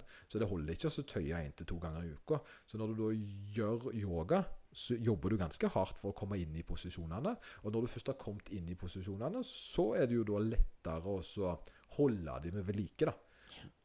Har du noen overføringsverdi til altså kondisjonstrening og eh, styrketrening? Yoga og styrketrening er jo elsk, mener jeg. Sant? Ja, ja. Jeg mener jo det er kjempebra. Og så e- Egentlig så burde vi hatt alle eh, styrkeløftere burde jo hatt eh, en eh, yogatime i uka. Sant? Bare for å jobbe jobbet med stivheten, sant? sånn at vi hadde klart oss å være i best mulig posisjon. I forhold til løping så tror jeg ikke det, altså. Jeg tror løping er jo mye det som kalles for springness stiffness. At du skal faktisk være ganske stiv når du løper av gårde. Det holder liksom ikke å være Du skal ikke være myk å løpe. Sant? Det er noe med at du skal beholde en viss stivhet i kroppen. Da, som gjerne ikke, og det er ikke så stort behov for tøyelighet, vil jeg si, i løping i forhold til yoga, iallfall. Ja. Vil, vil det hjelpe noe i forbindelse med altså, reduksjon av skaderisiko? Um, ja, altså Hvis du er mobil nok til å gjøre noe, uh, så resulterer det i at teknikken din er optimal. Uh, og hvis at du har en bedre teknikk, som da betyr at du bruker de rette muskel, uh, altså musklene dine til å gjøre en øvelse, så vil du ha mindre skaderisiko. Det er klart at Hvis du løfter på en ufordelaktig måte, så vil det være større sannsynlighet for å skade seg, selv om kroppen tilpasser seg det mest utrolige. Jeg sier det at Hvis du har én fot, så kan du fortsatt gjøre det meste, men den ene foten vil jo få mer juling sant, enn å ha to føtter, fordi han tar all belastningen. Så det er klart det at det å bygge den opp til å tåle eh, det samme som to føtter, vil jo være mulig. Altså i forhold til normalt, da. Jeg tenker i forhold til gjerne hva som er At den kan løfte 100 kg. Eh, det vil jo gå an. Eh, men du vil på en måte aldri kunne havne i samme situasjon som hvis du hadde løfta med to føtter. Ja. Men du klarer det mest utrolige. Det er jo det som er greia. En kan jo virkelig Altså, en kan henge Du kan trene til å henge etter en fing. sant? Du har jo tilpasset den fingen ja. over lang tid. Er det noen motstand mot å ha sånne økter? Altså, så for folk som er vant med styrketrening, styrkeøvelser eh, eh Fins det noen motstand der mot å gjennomføre altså, tøying eller yoga? Ja. Jeg, ja, altså men jeg tror personligheten nå er blitt litt forandra nå. Sant? Jeg husker jo når f.eks. styrkeløft før. Da. For styrkeløft for 15 år siden var jo Da var jo alle i plussklassen. Sant? Altså, hvis, du var, hvis du ble ned i vekt, så ble det jo flira av. Uh, sant? Uh, vi hadde på en måte et sånt litt sånn artig Og det var jo en fin ting Fordi, sant. Det var jo eh, men nå har vi på en måte endra litt det synet på hva, hvordan vi vil gjøre ting. Uh, og jeg ser det at de som kommer inn nå som styrkeløftere, er jo veldig veldig seriøse. Mens vi var gjerne litt bajaser og bamsefar, uh, iallfall i den klubben jeg gikk i, da, ja. så er det mer fokus på seriøsitet og skal satse og skal være med på den, den konkurransen og gjøre det riktig. Og det er veldig mye fokus på kvalitet i teknikk. Før så var det brøle og løfte mest mulig. Ja. Og ikke det at det nødvendigvis er feil, men en mellomting mellom de to er jo alltid optimalt. da. Der en da sørger for best mulig langsiktig grobånd. At det ikke bare blir teknikk heller. For det kan jo på en måte øyelegge for framgangen, det òg. For en må jo brøle litt og gi litt gass. Ellers så vil en jo aldri flytte grenser. Ja, for jeg tenker litt det må møte motstand. Så nå kommer vi jo litt over på noe så jeg egentlig håper ikke stemmer. For det at Eh, og da snakker vi om isbading. Isbading, ja. Så det er sånn, jeg, jeg, håper det ikke stemmer, pga. at det høres så grusomt ut å stå opp og hoppe ned i et isbad. Ja, men isbading altså, For det, det hører jo en sånn ting som du eh, kommer med, så sier du ja, snakk om det, og så blir jeg sånn Shit, da må jeg sette meg inn i det. Så har jeg da sittet nå i flere dager og lest eh, da om studier og metastudier og, og eh, samle greier på dette her. Og litt av problemet er jo det at jeg kjenner jo folk som driver med det. Oi. Sant? Ja, ja. Så da kommer jeg liksom med den brutale sannheten, da. Sant? Og så forteller jeg OK. Uh, isbading, hva hjelper det? Sant? Ja, altså, altså Det som jeg har lest ut ifra, det skal hjelpe for eh, sirkulasjonen. Det skal gjøre kroppen bedre i stand til å møte forskjellige utfordringer. Blodårene skal lettere kunne utvide eh, sammentrekke seg. Og eh, ja, det var en del forskjellig. Eh, men uh, hva er grunnen til folk, folk flest gjør det? Eller de det, gjør det? det? Det, er jo for å få et kick. sant? Det er jo ja. uh, altså Folk flest som går og hopper i sjøen og sånt, det er jo for å få et kick, endorfiner og sånt. Og det er jo en reell ting. Den mentale verdien med å gjøre det er jo høy for de som gjør det, fordi de trives. Det er noe de gjør sammen, gjerne. sant? Kjenner folk som går hver søndag og bader sammen hele året. Sant? Det er en kjekk ting, det, men sosialt og alt det der greiene der. Men så har du da det andre som en gjerne på en måte eh, Det kjøttet da inni som sier Er det vits? ja, nei. Hodet mitt sier det hele tida. Ja, ja, ja, ja, for det, det mentale for de som syns det er kjekt, ja. Men om det har en bedre eh, restitusjonseffekt enn annen type restitusjon, som å slappe av, spise, sove, nei. Sant? Dessverre. Uh, det har egentlig ikke noe sånn særlig bedre enn andre måter å restituere seg på. Nei. Så det er liksom ikke en sånn en, eh, Det har ikke en sånn en fantastisk egenskap som forteller deg at Gjør du det, så er du bedre satt ut. Men det har visse ting da som er litt morsomt. Eh, og her legger jeg masse studier, jeg bare sier. Det dunker inn studier her. Så hvis ja, du er uenig ja. med Det meg, så, så skal jeg uh, jaggu meg love deg at dette er ikke min mening. Uh, for det at når du kommer med dårlige nyheter, så må du jo kunne backe det opp. ja, ja. Men problemet med uh, isbading er at hvis målet ditt er å bygge muskler spesielt, eller da gjerne styrke, så har det en negativ effekt. Fordi Fordi det stopper litt, litt grann, Altså restitusjonen Det øker den ikke. Det stønner den litt. Grann, fordi at du, eh, adapsjonen som foregår etterpå, blir litt stumpa. Eh, fordi fordelen med det er at du føler deg gjerne ikke så støl og vond etter du har isbada. For det har faktisk en positiv effekt i forhold til at hvis du har gjort en aktivitet, og du er kjempestøl eller veldig sliten, så vil kroppen føle seg frisk. Ja. Sånn? Det gjør han. Men det er på bekostning av restitusjonsbehovet for å bygge spesielt bygge muskelvolum. Men hvis du driver med kondisjon, eller det er nære en konkurranse og sånn, så kan det være veldig bra.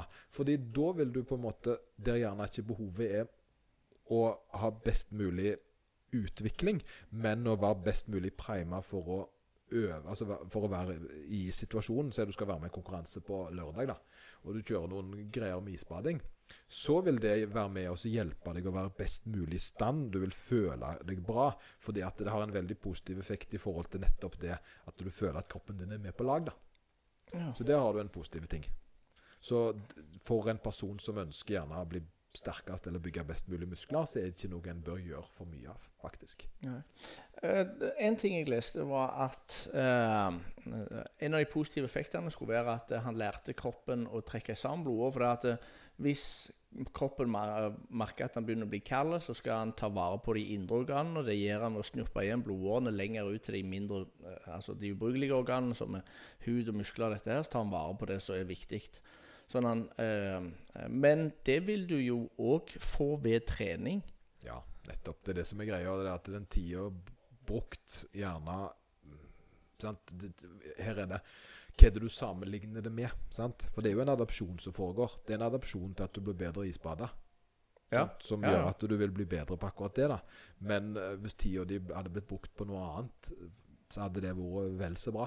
Ja. Og Det er jo det som er litt av situasjonen her. Men hvis du ikke gjør noen ting, hvis du kan velge mellom å gjøre én ting og ikke gjøre noe som helst, så vil jo alltid det å gjøre noe være bedre. Sant? Så lenge det har en eller annen form for uh, nytteverdi. da Ja. Eh, men jeg tenker på det, det Du trener jo med sånn strikk. For eh, okklusjon. Okklusjon, er det det heter? ja, stemmer. Hva, hva er så hensikten med det? Okklusjon igjen er jo litt annerledes. For det, det, det du gjør der, det er at du sørger for blood flow restriction, eller eh, katsu-trening, som det heter. Det er jo at du da eh, knytter noe rundt eh, en fot eller en arm. Og så trener du med en redusert belastning, type 40-50 forholdsvis høy eh, reps. Eh, blodet kommer inn eh, i Eller hva blir det? Eks, eksperimentet Nei, eks, ah, hånda, eksempel. Si foten, Ja. da. Si hvis du binder det rundt foten, så Ja. ja, kommer det blod inn, men det kommer ikke så godt blod ut. Så du får Mm. på en måte da en form for uh, uh, oppsamling der. Mm. Som da eh, vil gjøre at det blir et veldig eh, trykk. Blodårene jobber litt ekstra. eh, og det har da resultert i at du får en del hormonelle effekter som er positive. Og dette er jo studert at dette funker kjempebra. Men sant, det funker ikke bedre enn styrketrening. Men det kan være bra i situasjoner der du f.eks. har trent mye og vil ha mer volum uten at du vil belaste restitusjonen så mye, eller at du er så skada at du ikke kan gjøre en øvelse. F.eks. du kan ikke løfte tung knebøy, så kan dette være en fin måte å holde, beholde styrken på. eh, uten å ha den samme belastningen. Fordi du kan ikke gjøre okklusjonstrening med samme belastning som du ville klart uten. da. Ja, for Da tenker jeg tilbake altså, for du, du sier du vil få noen hormonelle forandringer i kroppen som, som vil hjelpe deg. Kan isbading føre til hormonelle forandringer som er helsefremmende, eller Ja, jeg, jeg tenker jo enda finere, og jeg tenker jo gjerne mentalt, sant? for det er jo en annen del. da Men, øh, Så, så jeg, tror nok, jeg tror nok psykisk så kan det være øh, kjempespennende. Så, sant? Og, og- og det, men det var, de studiene jeg leste, handler jo selvfølgelig mer om trening enn øh, enn, øh, Ja. psykisk helse. Ja, ja. Så jeg vil jo tro det at, At det har en uh, gledeseffekt. Og det er jo bra. Alt som gjør deg glad, bør du jo gjøre mer av.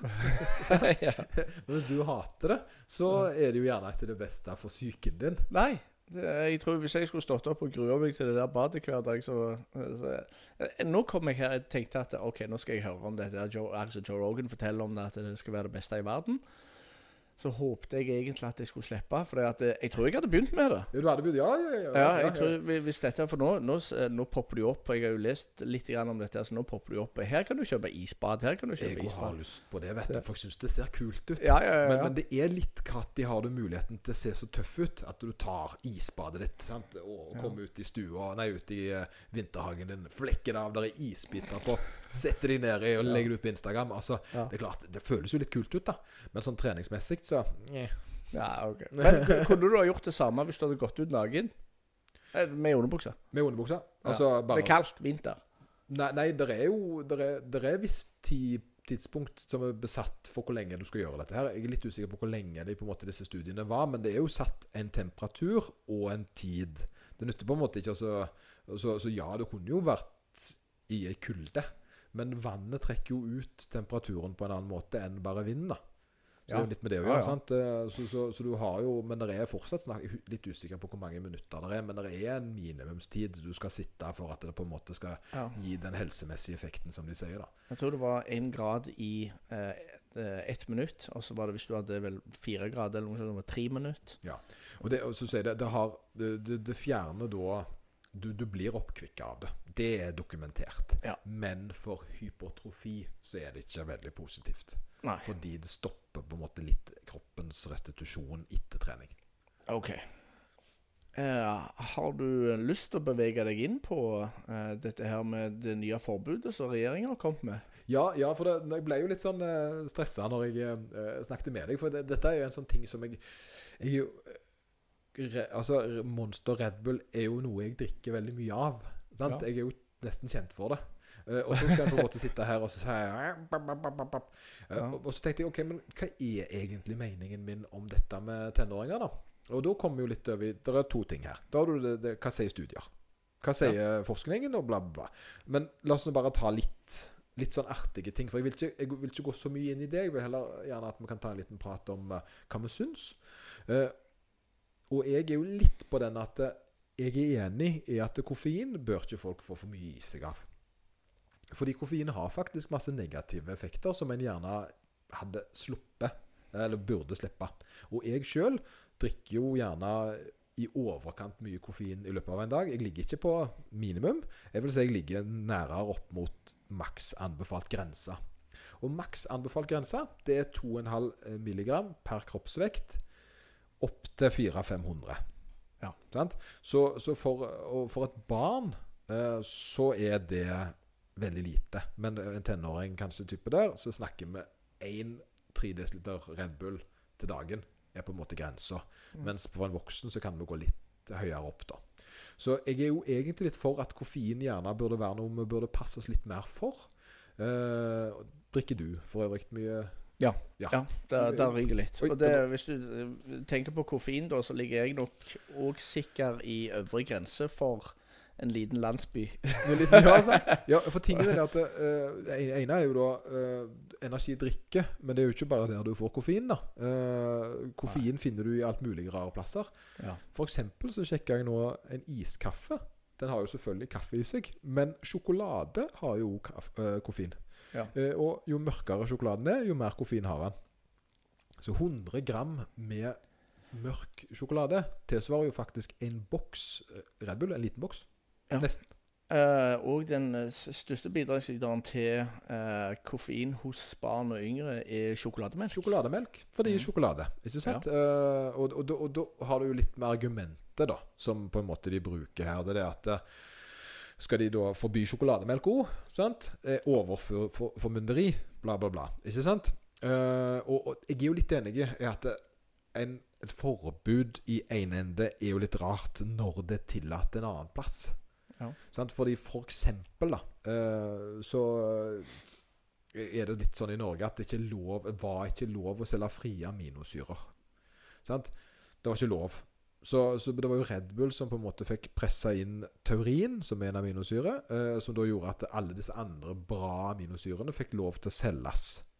F.eks. beta-alanin og sånne ting som folk bruker som kosttilskudd, ble jo lov pga. Red Bull. Eh, skal vi da nekte ungdom 16 å drikke Red Bull, men tillate de å få alle disse ingrediensene alle andre plasser? Det er jo det som er litt av greia. sant? For det at jeg skjønner med alkohol, der har du én ting. Men hvis det var alkohol i halvparten av, eh, av uh, matvarene i huset ditt, så hadde det jo vært en litt rarere regel, mener jeg. da. Du ble full av å spise brød liksom. Så, så, er det sånn OK, hvorfor, hvorfor, har vi stengt av alkoholen på alle flaskene når vi kan bli fulle av å spise en sjokolade? Ja. Men jeg er jo enig i at eh, helsemessig så bør en jo egentlig påse at ungene får minst mulig av det. Eh, og når grensa er 100 mg, som er en liten boks, og de får det via sjokolade og alle mulige andre plasser i tillegg, så er det veldig lite som skal til. Og bivirkning av koffein er jo faktisk eh, at en øyelegger noe av det viktigste vi, vi gjør, nemlig å sove. Ja. Sant?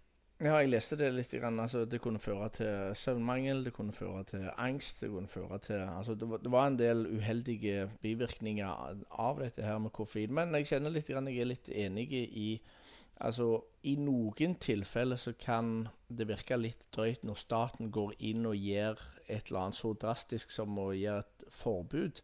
Men da tenker jo jeg hva uh, tid er det overformynderi? Ja, altså jeg, jeg, tror litt av greia her at det føles som det når de er 16.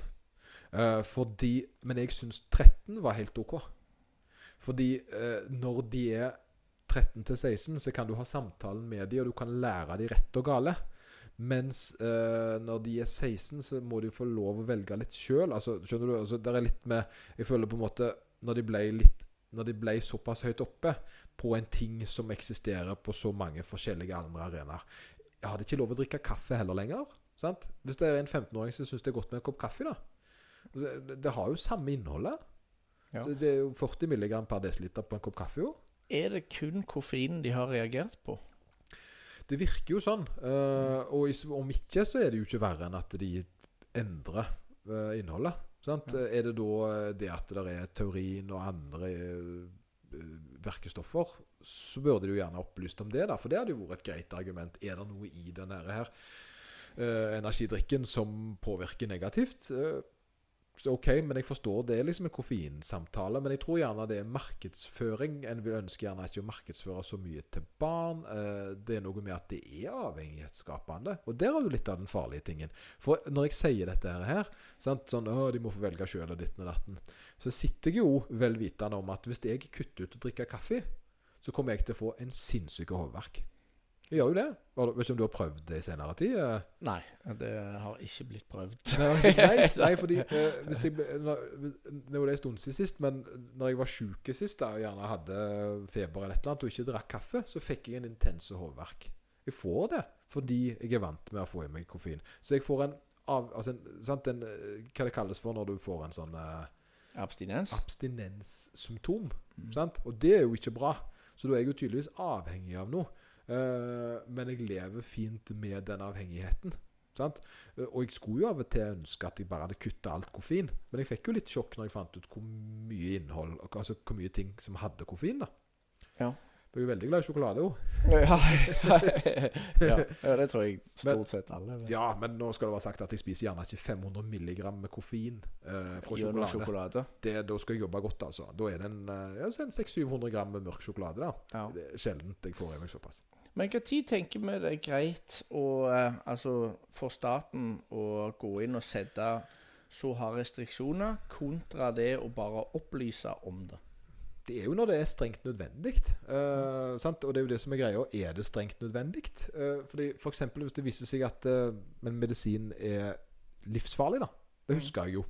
Uh, jeg gikk på en, en, allergimedisin som viste seg å være veldig farlig. Den ble stengt ned på dagen.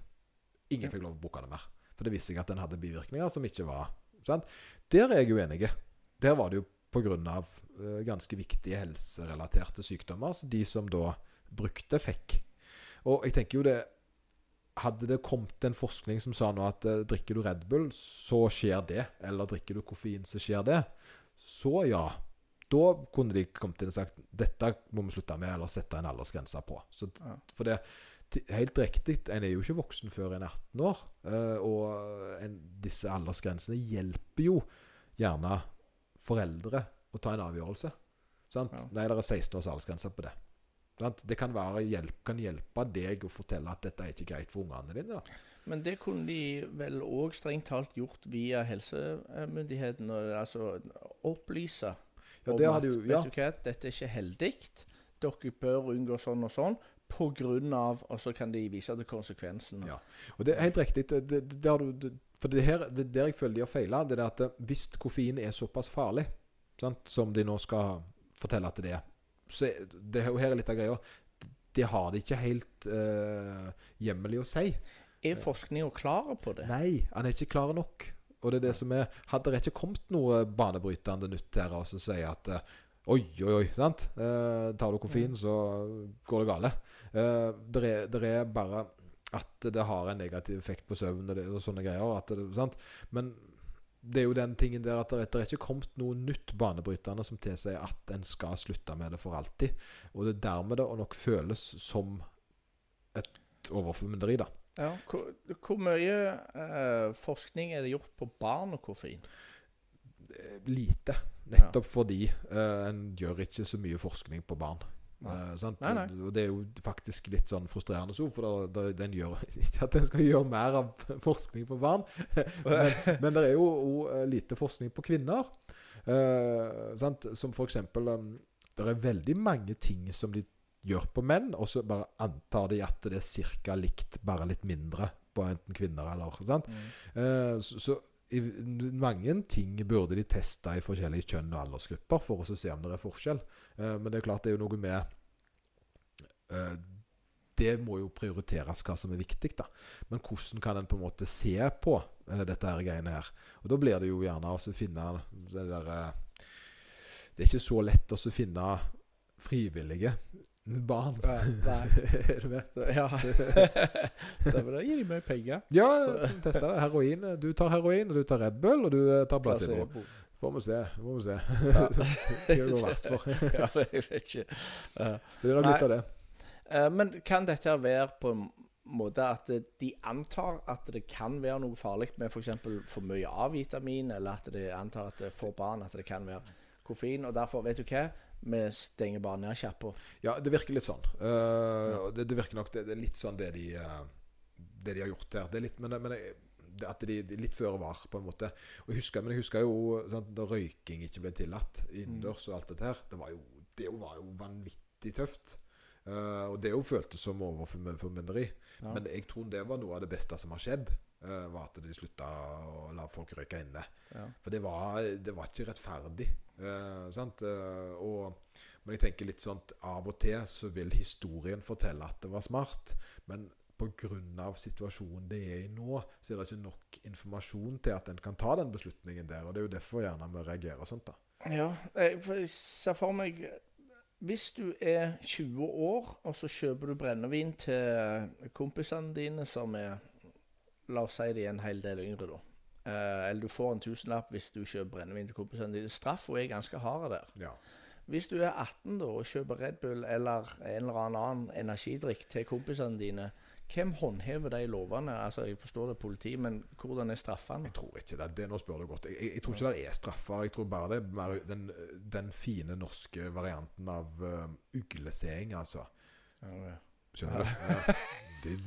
Det- Gjør du det? Er det sant? Finner du på? Er det sant? Er du en sånn en som gir til barna dine? Ja. Det er vel mer den. Og det, er men det kan være å havne i den gapestokken kan være sterkt nok, det, altså. Ja. Så Ofte så er det jo sånn at det, visse, visse, det blir jo på en måte en kulturell ting. Det er 16 år her. Og det er noe Ja. med at de ikke får kjøpt det. Ja. Eh, jeg- men jeg tror ikke det det er ingen som kommer i Red Bull-fengsel. Det tror jeg ikke. Nei. Men det blir vanskeligere å få kjøpe. Du må ha bevis i, i det med deg på butikken. Og så blir foreldrene litt sånn han, han selger, han gir til ungene sine. At det blir litt den negative måten der. Ja. Og det er veldig effektivt. Du vil jo ikke være en forelder som bryter så veldig med alt heller. Har alle 16-åringer bevis? Nei, det tror jeg ikke. Fødselsattest du må ha med, da. Ja, jeg vet ikke hva de må ta med seg i passet når de skal Red Bull. Ja, ok. Det er alvorlig, dette her. Ja. Kanskje det er når vi skal kjøpe aksjer i uh, Legitimasjons AS. ja, Stemmer det, politi. Hvilken vei tror du dette slår? Altså, Slår det veien uh, mot oppstandelse, eller slår det helt den andre veien? At vet du hva, når koffein og i andre ting òg, vi må ta vekk det òg for markedet. Dette jeg har lært noe om nordmenn, og det er det beste altså, Det spiller ingen rolle hva de gjør med oss. Vi bare godtar det til slutt uansett. Om vi ikke reagerte når det koster 12 kroner kilowatten, så eh, reagerer vi ikke fordi at de slutta å selge Red Bull til 14-åringer. Vi blir litt eh, overraska og forfjamsa, og så godtar vi det. Eh, det tror jeg er litt sånn i kulturen vår. Og så påvirker det heller ikke de som gjerne har så stor makt, heller. Eh. Eh, og så er det litt sånn helsemessig fornuftig. Så jeg tror det er litt sånn Jeg tror ikke det er den største kampen, egentlig. Det er ikke den kampen jeg vil bli kjent for, da. Det, det er det ikke. Nei, nei, nei. OK. Er. Oppsummert. Ja, oppsummert. Ja. Ja. Det Vi har snakket litt grann om uh, hvordan du uh, får best mulig styrke, eller størst mulig økning i styrke. Uh, hypertrofi, altså muskelvekst. Periodisering av trening. Jesus. Uh, isbading. Det er helt vanvittig. Vi har gått gjennom hele lista, tror jeg. Stemmer eh, det. Med både personlige og andre sine preferanser. Jeg syns vi var gode, jeg. Jo, vi har eh, ja, fått løst en del problemer. Har det, har det. jeg. Og så er det litt spennende å se hvordan folk reagerer på den nye, den nye videoen. da Eh, De tolv som har sett på. Kanskje det blir 13, da? Ja, forhåpentligvis. Det er, hvis du tenker på prosent, så er prosentandelen ganske mye høyere. Helt riktig. Det er ti ukers fremgang, dette Ja. her. Skal jeg kjøre sånn eh, husk og lek og deal Deal, skulle jeg si. Del. Uh, lik og del. Uh, og gi oss gjerne en anmeldelse. Uh, hvis dere har hørt såpass langt, så må dere jo enten hate det anstendig eller like det. Eh, alt er bra for oss, eh, men det er alltid kjekt når folk på en måte gir litt feedback, da. eh, og spesielt den positive, selvfølgelig. Ja, jo, men er de negative, så for all del, få det inn i kommentarfeltet. Og skriv adressen deres, så kommer meg og andre og sier takk takker skikkelig. Ta det opp. Vi tar det opp. Men uh, ha en fin helg, er det ikke lov å si det? Jo, Instagram, Facebook, YouTube. Instagram, YouTube, Facebook. Så, og det, ha det bra, Anders. Ha det godt, ja. Vi ser.